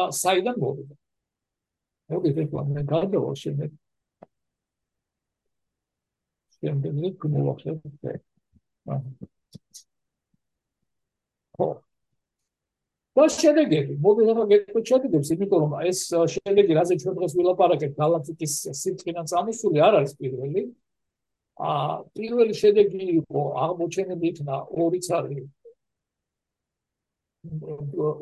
ორი ცალი მოვლენა აი ეს 1050 წელი აი ხო ხედავთ ეს არის შეადარეთ შეიძლება გამოჩქარების ენერგიას 16 წელი აი ეს ორი მოვლენა იყო. აღმოჩენილი იმერად მნიშვნელოვანი იყო რომ სამყარო ფიზიკური ჟურნალის გარეკანზე დაიბეჭდა? ეს იყო პირველი შემთხვევა როდესაც მოხდა მაღალენერგეტიკული ნეიტრინოს დაფიქსირება. არ იყო ცნობილი საიდან მოსული 2003 აა მიმართულება ანუ საიდან იყო საერთოდ მიხვდნენ მაშინ? არა, არა, ისე როგორ არის იმისთვის თქვენ გაიგოთ საიდან მოვიდა, რაღაცა დადასტურება უნდა გქონდეთ. ანუ რომ აქედან აქედან მოვიდა ვიღაცა ექსპერიმენტმა, თქვა ოპტიკურმა ტელესკოპმა უნდა თქვას, აი რაღაცას ხედა. და როდესაც მიმართულება აღდგა იქ ოპტიკური ტელესკოპი და რაფერი მონაცემები არ იყო, ამიტომ ჩვენ მოვიქეცით ასე ვთქვათ წესიერად და ვთქვით რომ ხედავთ ნეიტრინოს, ვიცით რომ ნეიტრინოა, ხედავთ რომ მაღალ ენერგეტიკული ამიტომ ეს არის ეს არ არის ზისგან წამოსული ნეიტრინო აი ეს 100 ტრილიონი სხეულში რომ გადის ეს არ არის მეორადი ზღვარი იქიდან წამოსული ნეიტრინო ეს არის ან გალაქტიკიდან ან გალაქტიკის გარედან წამოსული ნეიტრინო.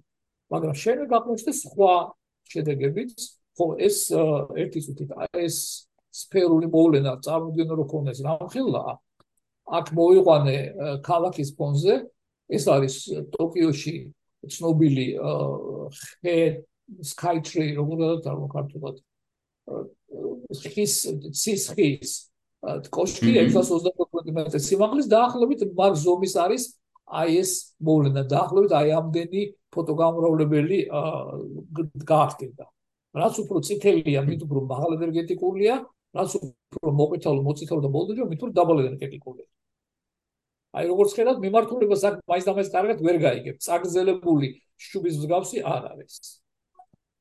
ხო, აი პირველი შედეგი რომელიც აღმოჩენილი იყო, რომელიც დადასტურდა სხვა ტელესკოპებისგან 2017 წელს სხვა galaktикიდან დაახლოებით 5 მილიარდი სიახლე წელიწადის მანძილზე ამ galaktikaში სადღაც იყო აქტიური ვარსკვლავი, რომელ რომელიც როცა ასხებს გახსოვთ ის სურათი როცა იყო ეს მატერია ტრიალებს კი კი კი კი კი გამოიმასავდა ხო ეხლა ეს გამოცხობაში სრულად შემთხვევით მიმართულება აქვს დედამისის მიმართულ დედამისის არსებობასთან ლოკაციასთან ლოკაცია როგორ აქვს ქართულ? მდგომარეობასთან ლოკაცია ლოკაცია შეგვიძლია ხო. ხო. და მაგრამ აი ეს ასხიებდა დედამისის მიმართულებით დაემთხვა ხო ამ შემთხვევაში? ხო ამ სიგნალმა მოაღწია დედამიწა გამოსხებიდან 5 მილიარდი წლის შემდეგ დაახლოებით მან ეს რომ სვენელს კონდეს წარმოქმნა რამდენად ზიდან 8 წუთში მოდის სიგნალი.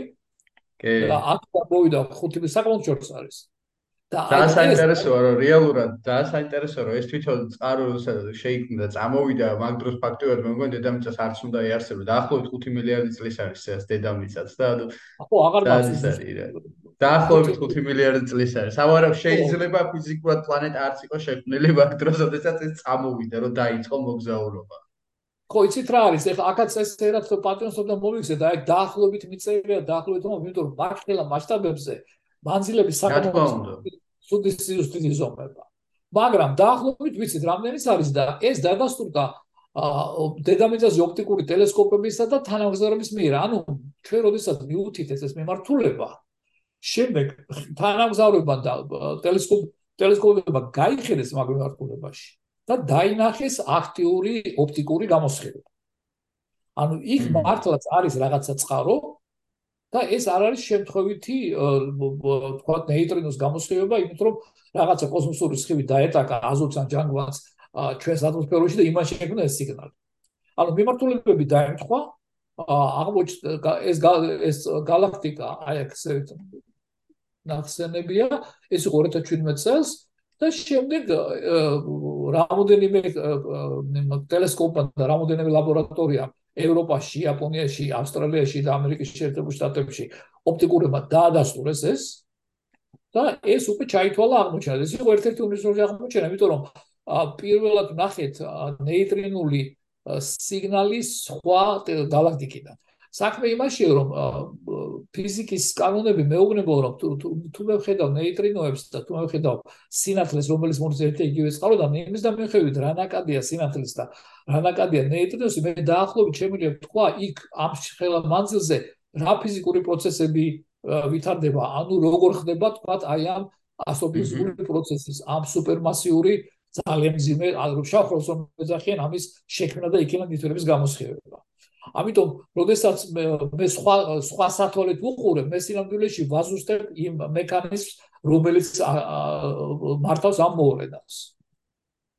აა შემდეგი შემდეგი იყო ისე სხვა galaktikიდან, ეს შედარებით ახლოს 47 მილიონი სინათლის წელიწადი, ესე იგი დაახლოებით 10000 ჯერ ახლოს ვიდრე ის წინა.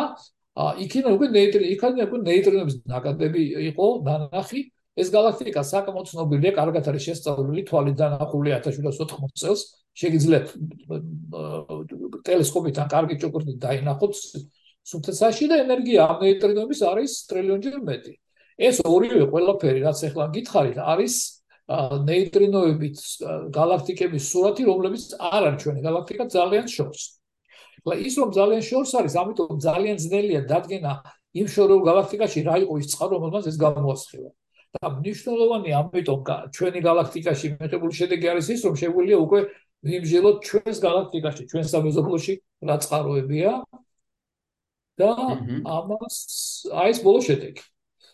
აქ ისე სქემატიკა ეს არის, აი ეს სადგური, სადაც ჩვენი რამოდენიმე ინჟინერი და სტუდენტი არის გამოკეტილი. აი აქ ხედავთ თქვენ, აი ესეთ ხედავთ თქვენ სიამდვილის სამხრეთ პოლუსიდან ირმის დახტომს. ნუ ირმის დახტომი ღამით რომ გახვიდეთ ცუცაცაზე თვალეთ ხედავთ. ხო ეს არის ყველაზე ეს არის ის galaktika რაში ჩვენ მიმყოფებით ამიტომ ამდენ ძალიან კაშკაშა ვასკლავს ასე ახლოს თვალეთაც დავინახავთ. და აი ამ galaktikis სიბრტყიდან ანუ ცენტრიდან არა სიბრტყიდან მათ შორის ცენტრიდანაც მაგრამ ასევე განაპირ ადგილებიდანაც დაფიქსირდა ნეიტრინოების ნაკადი. ანუ ჩვენ ჩვენი სათვალით მოახერხეთ დაგვენახა ჩვენი ნეიტრინო, ჩვენი galaktika. ხლა წყარო რა შეიძლება იყოს? შეიძლება იყოს ორნაირი ძირითადად. ერთი შეიძლება იყოს რაღაცა მაღალენერგეტიკული ასტროფიზიკური პროცესი ჩვენს galaktikaში, რომელიც ოპტიკურად შენიღმულია. ოპტიკურად შენიღმული ნიშნავს, რომ ის შეიძლება ასხივებს კიდევაც სინათლეს. მაგრამ გარშემო ეს წყალბადის მოლეკულებია ძირითადად მტვერი ვარსკვლავის შორის ნივთიერება ისინი უბრალოდ თანთქავენ ამ ჩვენს გამოსხივულ სინათლეს და ამიტომ ხედავ გამოსხივულ სიგნალს მხოლოდ ნეიტრინოებს. ეს ერთ-ერთი შედეგია, ანუ ჩვენ შეიძლება ჩვენს galaktikაში პრინციპში ახლა მოვაჩინოთ და ეხლა ამაზე მიდის მუშაობა მაღალ ენერგეტიკული პროცესები, რომლებიც შედარებით ახლოს არის დედამიწასთან და მზესთან. და მეორე წყარო შეიძლება იყოს ასევე შეიძლება იყოს galaktikis გარედან წამოსული ძალიან მაღალ ენერგეტიკული პროტონები, რომლებიც ეტაკებიან ჩვენს galaktikas და ქმნიან მეორე ნეიტრინოებს. ჯერჯერობით არ არის ნეიტრინოებს. ბატონო? მეორე ნეიტრონ, ნეიტრინო. თქვი თქვენ? მეორე ნეიტრინო თვითონ უფრო პროტონი დაეტაკა თქვა აზოტის ან აზოტი არ არის წყალბადის. წყალბადის მოლეკულას და ამ ამ გამოსხების შედეგად ამ დაჯერების შედეგად იბადება ნაწილაკები, რომელსაც ქვია პი და პი ნაწილაკები იშლებიან ამ ნეიტრინოებად, მაგალ ენერგეტიკულებად მოდიან ესენიც. ჯერ კარგად არ აქვს გარკვეული ზუსტად რომელი და რა, მაგრამ აი ეს ორი წყარო შეიძლება არსებობს. მაგრამ ასე თუ ისე სურათი უკვე ცნობილია, ანუ ჩვენ მოახერხეთ ნეიტრინოს საფოლებით დაგვენახა ჩვენი galaktika და დაგვენახა სხვა წყაროები, რომელსაც სინათლით ვერ ხედავდით. აი მოდით ახლა მე თქვენ გაჩვენებთ ამ სურათს. ეს ცნობილი ფოტო ხო? ესე იგი, ეს არის ის ოპტიკური სურათი ჩვენი galaktikis, იმის ნახტომის, რომელსაც ჩვენ ხედავთ თვალით საში. არსებობს ექსპერიმენტი სახელად ფერმი, რომელიც აფიქსირებს მაღალ ენერგეტიკულ სინათლეს, მაღალ ენერგეტიკულ გამაგამოსხივებას, რენტგენის ნაბს გავს და უფრო მაღალ ენერგეტიკულს იმ იმ სათვალით, აი ეს არის ჩვენი galaktika. როგორც ხედავთ, საკუთრად გამოიყურება. ყველაზე მაღალი ენერგეტიკა არის რა თქმა უნდა ცენტრში. იქ სადაც ის სუპერმასიური სხეულია შავ სხეულს რომ ეძახით. წინასწარმეტყველება რამოდენიმე მოდელით იყო ესეთი. ანალიზმა წინასწარ წინასწარ ანალიზმა დამუშავება გასოფთო მოვლენების გასოფთების გარეშე დაახლოებით აი ესეთი სურათი მოგცა ანუ ჩვენ დავინახეთ რომ ცენტრი აქტიობის ცენტრი ცენტრს დაემთხვა ანუ ნეიტრინოები ცენტრიდან უფრო მეტრი მოდიან და დამზერილი არის აი ეს რაც უფრო მუქია სურათი აქ თქვენ ხედავთ იქიდან მოდის უფრო მეტი ნეიტრინო აა ეს გაყოფილია ჩtildeოეთის და სამხრეთის საათე სურათი. აი სამხრეთის ცაზე აი ჩვენ სადაც სადაც ტელესკოპია რა თქმა უნდა ჩვენი სამხრეთში იქიდან ეს ზევიდან დახურებს ეს ირმის დახტომი ჩვენი galaktikis სიბრტყე. ამიტომ იქიდან უფრო მეტ ნეიტრინოებს ხედავთ და აი ეს წყაროები გარკვევის პროცესშია. არის რამე აი თქვა აქ პატარა წერტილია აქაც რაღაც წერტილი არის თუ არა ეს ისეთივე წყარო როგორც აი ეს ჩვენი ძინა როგორც ჩვენი ძინა მაგალითად ნეიტრინოს წყარო იქ აქ ამ galaktikაში რა თქმა უნდა ჩვენ ამას ვერ დავადგენდით მაგრამ იმედია რომ ჩვენს galaktikაში ამას დავადგენთ. ამის მოშობა რა თქმა უნდა გრძელდება ეს დაახლოებით როგორ ხედავთ თვალით აი ამ ნეიტრინოების ინტენსივობას, რომლებიც მოდიან სამხრეთის სიდან ჩვენი galaktikis სიბრტყიდან. აი ეს არის galaktika და ეს არის შუაში დედამიწა, რომელიც ხედავს აი ესეთი ჰოლოგრამასავით ანუ ხოლო ამ კედელზე დახატული ვით არის ეს ყველაფერი გაკეთებული. აი ეს არის შედეგი, რომელიც მოხსენდა. ეს არის ორი სხვადასხვა კოორდინატთა სისტემაში, ორ სხვადასხვა რუკაში გაკეთებული სის ნეიტრინული სურათი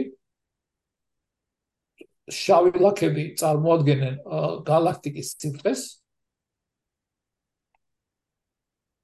მოხდა დამუშავება დაახლოებით რამოდენიმე 1000 იმის წყაროსი ვარსკვლავის რაც ცნობილი იყო იმაში ჩვენს galaktik რიგაში, რათა გავიღო ხო არ ემთხვევია ნეიტრინოს გამოსხივების ინტენსივობა, მაღალი ინტენსივობა ამ ვარსკვლავების ადგილმდებარეობას, მაგრამ ჯერჯერობით დამაჯერებელი სტატისტიკა მიღწეული არ არის, ამიტომ ფრთხილად რომ იყოთ და სწორად რომ მოვახსენოთ საზოგადოებას, უნდა თქვათ რომ ჩვენ ხედავთ ნეიტრინოების ნაკადს ჩვენი galaktikis სიბრტყიდან. ჩვენ ხედავთ ჩვენი galaktikis ნეიტრინულ სურათს ნეიტრინული სათვალით.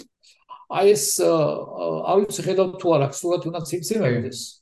კი, ჩემში. აი, რაც უფრო ლურჯად სიმციმებს, ეს არის ის ადგილები, საიდანაც ნეიტრინოების ნაკადი რაც უფრო მეტი მუქი ლურჯია, მეტი უფრო მაღალია ნეიტრინოების ნაკადი ჩვენს galaktikაში. ნუ ჩვენი galaktika მე დამოვსა მე თქვა, მაგრამ სვენელები ალბათ იციან, ბრტყელია, იმასავე ნაზოქის ფორმა აქვს.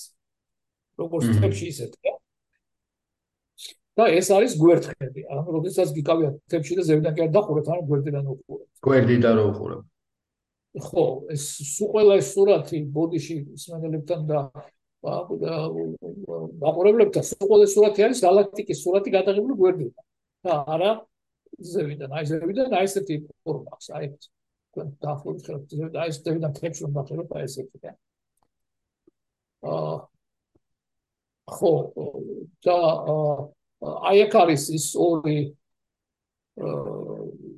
ლოგო ეს არის NSF ეს არის ეროვნული ფონდი და ეს არის აი ეს ლოგო აღწეროთ აი ეს პროგრამული ჩასწავლების კინოში.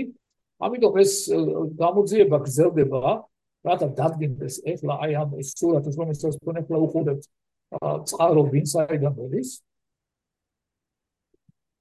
აა ეს კვლევა გრძელდება, ამიტომ ეს ეს მოხსენებული იყო ჯურნალ Science-ში, ჯურნალ მეცნიერებაში და ეს არის ერთი შეერთებით სასაცილო სკეჩი, როგორი ტელესკოპია ჩვენ ჭრით ყინულს და ვიხედავთ თქვა. იმიტომ ჩვენ გვაინტერესებს ის რაც ამოვიდა ჩრდილოპოლუსიდან და ამოვიდა ჩვენ და საფუძველ პოლუსიდან, იმიტომ რომ ძალიან არის ხო? იმდენად ინტენსიურია გამოსხივება რომ გამოს იმას მოწყობილობას აბრმავთ, აი წარმოიდგინეთ თქვენი თვალები დიდხანს უყურებთ ძეს. რაღაც ახლა შეიძლება თვალი დაკარგოს მომდიარებას. ამიტომ ჩვენ გვინდა რაც შეიძლება გავფილტროთ.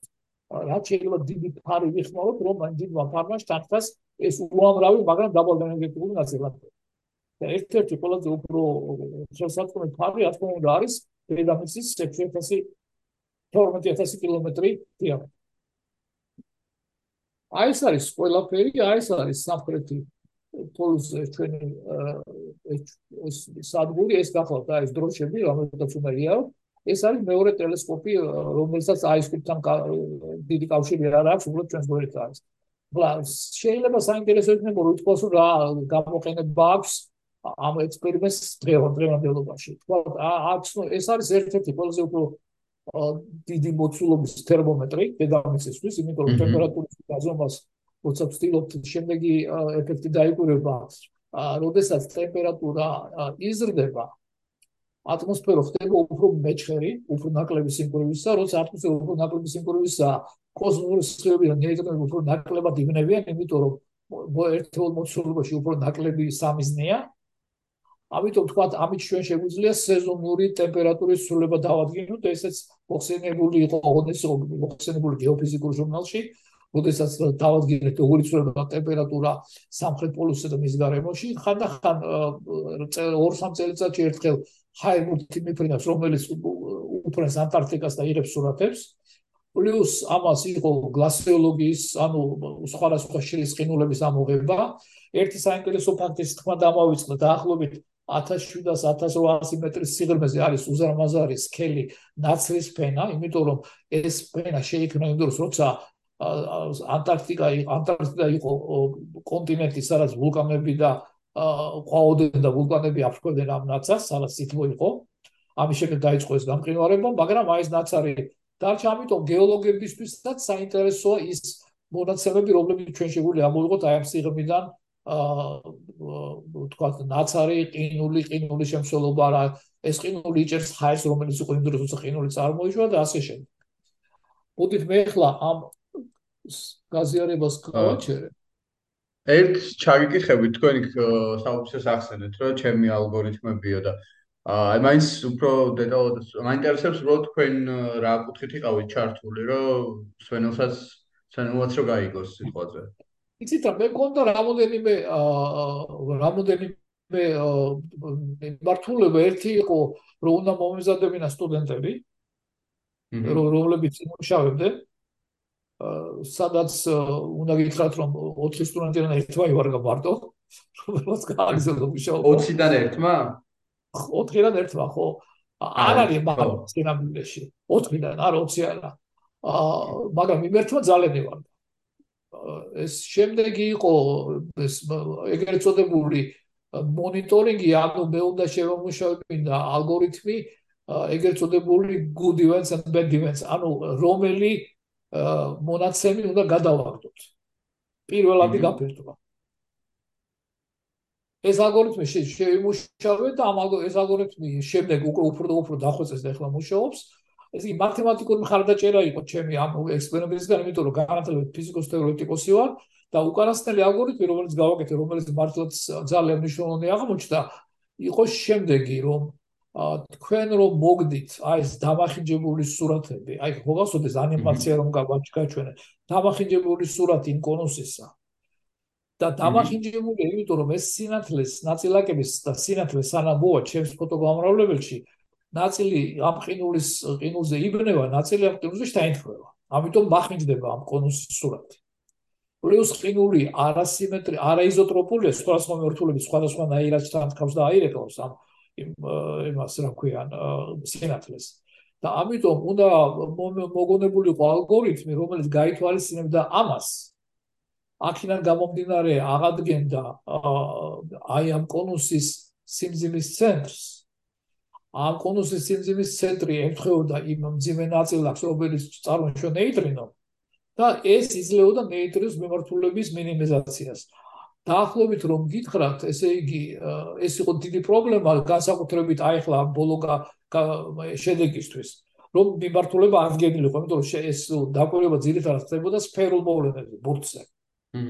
და აი ამ ჩემმა ალგორითმა დაახლოებით რამოდენიმე ათეულჯერ მინიმუმ შეამცირა შეცდომა მიმართულებისა იმპერიულად ნეიტრინოს, რომელმაც მომცა ეს პირველად და ახლა მე არ მინდა თავი მოობეზო მსვენელს და მაყურებელს, მაგრამ ყინულში სინათლის გაბნევის დათვალისწინებით და მაგის კონუსის ფორმის დამახინჯება და იქიდან ცენტრის აღდგენა საკმაოდ არატრებიალური ფიზიკური ამოცანაა.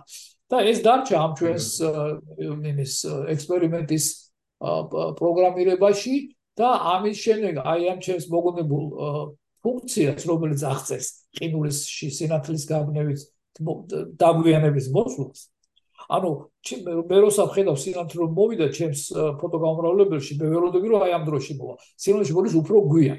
ეს უფრო გვიან უნდა გავითვალისწინო რომ გავადგინო ეს კონუსის გეომეტრია. აი ეს ფუნქცია ეხლა არის ის ძირითადი რაზეც უკვე დაადეს ისეთი ალგორითმები, რასაც მე უკვე ვეღარ ხვდები, ეგრეთ წოდებული machine learning და ნეირონული სწავლება და ასე შემდეგ, მაგრამ ეს ყველაფერი იწება ეს ფესვი არის აქედან. აი ეს იყო რაც გაუკეთე ამ ექსპერიმენტს და ეს ექსპერიმენტი დარჩა დარჩა. ერთადერთი რასაც ეხლა ვცდილობ, არ ვიცი რამდენად მოახერხებ რაღაცნაირად თუ არსებობენ ეგეთი ჰიპოთეტური ნაწილაკები, მაგნიტური პოლუსები, მონოპოლები, რანაირად შეიძლება ის აღმოჩენილი იყოს ექსპერიმენტი. ეს ექსპერიმენტი გარდა იმისა, რაც მე აღიწერე, რა თქმა უნდა, უყურებს ფარდობითობის თეორიის დარღვევის შემოწმებას. უყურებს ცდილობს ბნელი მატერიის და ბნელი ენერგიის დაკვირვებას. სამწუხარო სამწუხარო თუ საბედნიეროდ მე ვეთქოლე საბედნიეროდ ბნელი მატერია და ბნელი ენერგია ჯერ დამზერილი ჩვენ ექსპერიმენტო ვერ მოახერხა. პირდაპირ დამზერა. საბედნიეროდ რატო? Ну ძალიან სპეკულატურია ჯერჯერობით და ამიტომ კარგი იქნება რომ ახალი რაღაც არ შემოვიდეს რომელიც სინამდვილეში არ არსებობს. ამიტომ ნახო ჯერჯერობით სპეკულატურია თორე ეს ლამაზი თეორია. აა სამშობლო რომ შევაბნელი ენერგიაბნელი მატერია არ არსებობს. უბრალოდ რაღაც უბრალოდ არ გვესმის მაგას ამბობთ არა, ნუ ახლა დაშვება იცით რა დაშვება მე ფიქრობ რომ შეიძლება სხვანაირადაც აიხსნას ის რომ galaktikები სხვა სხვა მიმართ სხვანაირად ბრუნავენ ცენტრის გარშემო. მაგალითად, იმიტომ რომ ვთქვათ ეინშტეინის და ნიუტონის გრავიტაციული ველის კანონები შეიძლება მოდიფიცირება მოხდეს. ფარდობითობის თეორიის შემოწმება ვცადეთ, მაგრამ სპეციალურ ფარდობითობის თეორიის, როდესაც გრავიტაცია არ არის ჩართული, და ჯერჯერობით ჩვენს ვერნაირო გადახრა ვერ ვიპოვოთ.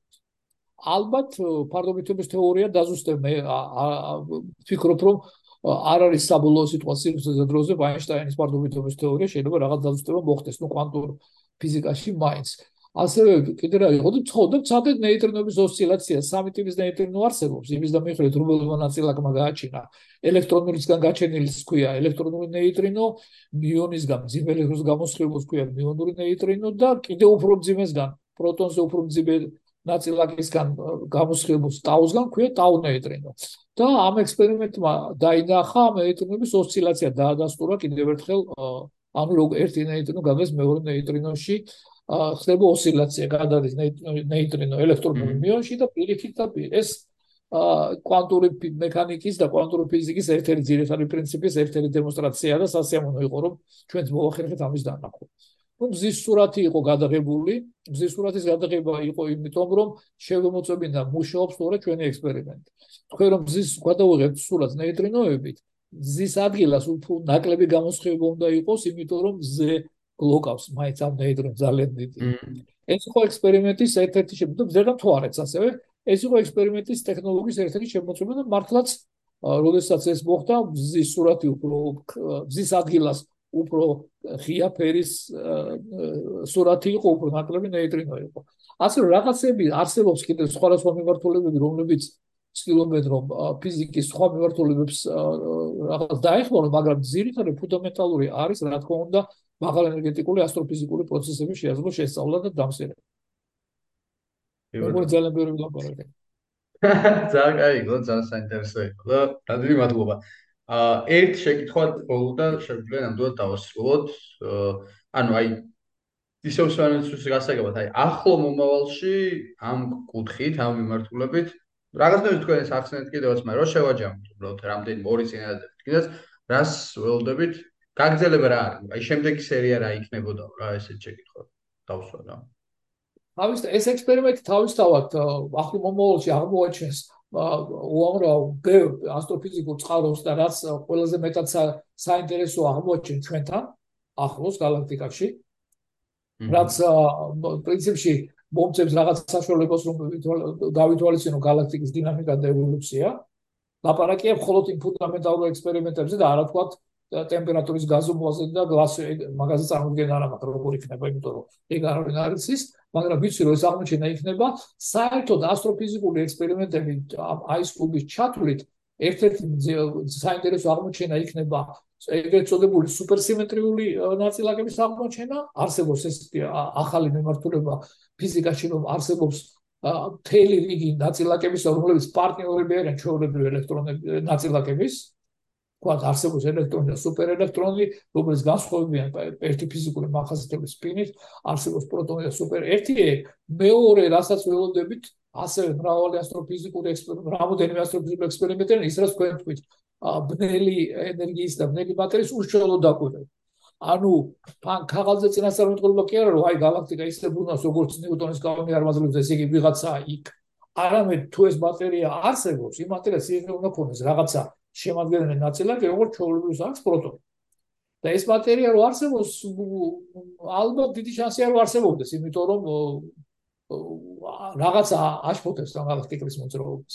ან გრავიტაციული ველის კანონები არ ვიცით კარგად. ან მართლაც გრავიტაციული ველის კანონები ვიცით კარგად და რაღაცა ახალი წყაროა, რომელიც ბნელია და ვერ ხედავთ, მაგრამ გრავიტაციულად მუშაობს. ასე რომ ძირითადად იქნება გრავიტაციასთან. ბატონო ურთიერთობებს გრავიტაციასთან. ისად იქნება ახალი ფიზიკის აღმოჩენა, რაც არის ბნელი მატერია, ბნელი ენერგია, სუპერსიმეტრიული ნაწილაკები, პლუს ის ფიზიკა, რომელიც ჩვენ არ ვიცით. მეცნიერების და აზროვნების გაჩერების საუკეთესო და დაბრკოლების საუკეთესო მეთოდია ჩაატაროთ ექსპერიმენტები მხოლოდ იქ, სადაც ძირითადად განვიხილოთ ვიცით. მოსაწყენია და ახალს არაფერს არ აკეთებს. ხო, რა თქმა უნდა. ჩვენ წავიწიოთ წინ, ამ რა შეიძლება იმას ვერო თქვით რომ უახლოს მომავალში გამოყენება მე მინდოდა მეთქვა რომელსაც არ ვიცი კავშირი ამ ექსპერიმენტთან არა აქ რომ მეც და ჩემი კოლეგები ძალიან დიდი მადლობელები ვართ. გადასახადების გადაგხდელების პრობლემად საშუალება მოხდეს რომ თავიანთი გადასახადებინა ეს ის საინტერესო რაღაცები ვაკეთოთ რაც მათ დღეს არ დაეხმარებათ. მაგრამ როგორც ფარადეის აღმოჩენილი ინდუქცია 1200 ზორო ტერიტორიას არ დაეხმარათ, მაგრამ იმათ შვილიშვილებს ძალიან დაეხმარათ. ჩვენს იმედი გვაქვს, რომ ამის მაგალითად მოახერხეთ ვიპოვით იმის თანა პლანეტას, სადაც გადასახლება შეიძლება რამოდენიმე 1000 წლის შემდეგ თუ კი თქვა ჩვენს დედაბედას რაღაც დაიმოქ. რომ წინასწარმეტყველება საერთოდ ძალიან ძალიან ძნელია. კი ბატონო. მე მაინც მაქვს ცოტა ოპტიმისტი ვარ ხოლმე ყოველთვის. თუ ჯერა რომ მოესწრები ხოლმე რაღაც ეგეთ მნიშვნელოვან გარკვევებს. ნუ პრინციპი არა თუ 20-30 გეთახმებით აისახოს. არა მე გეთახმებით იმიტომ რომ ეხლა თქვენ ახალგაზრდა კაცი ხართ და მე რო ვიყავი თქვენ ხელა და ფიზიკოსი ვიღაცა ჩემს რო ეთქვა რომ შენ ეხლა ამერიკაში ტყიდან თბილისში დარეკავ და შენ ძმას დაინახავ ვეთქოდი რომ გიჟღარ ასე რომ იცით რა შეასახებ ერთ პატარა ისტორიას მოვიყვებით რომელიც მე ძალიან მომწონს რომელიც აჩვენებს რომ ჩვენ არ შეგვიძლია კარგად წინასწარმეტყველება და ამიტომ ეს წინასწარმეტყველებები და გეგმები ცოტა ფრთხილად უნდა მოვეკინოთ 1800 88 თუ 99 წელს ნიუ-იორკის ქალაქ ნიუ-იორკის უგანათლებულეს ნაწილს ექიმებს, ინჟინერებს და ადვოკატებს ითხრეს რომ 100 წლის შემდეგ 1988 წელს რა იქნება? ყველაზე უფრო წვავე და ტკინული პრობლემა ნიუ-იორკში ტრანსპორტირებისთვის. და პასუხი იყო ცხენის განავალის გატანა. ამდენი ცხენი იქნება და ამიტომ ადამიანებს თავში არ მოსულეთ რომ მანქანები იქნებოდა. ასე რომ ისინი ისინი ჩვენები როგორ ჩვენ, მაგრამ ვერ მივხვდენ, ასე რომ ვერ ჩვენ ვერ მივხვდებით, მაგრამ ვიღაცები თქვა იგივე პარადაის სახით ხდებოდნენ ამას.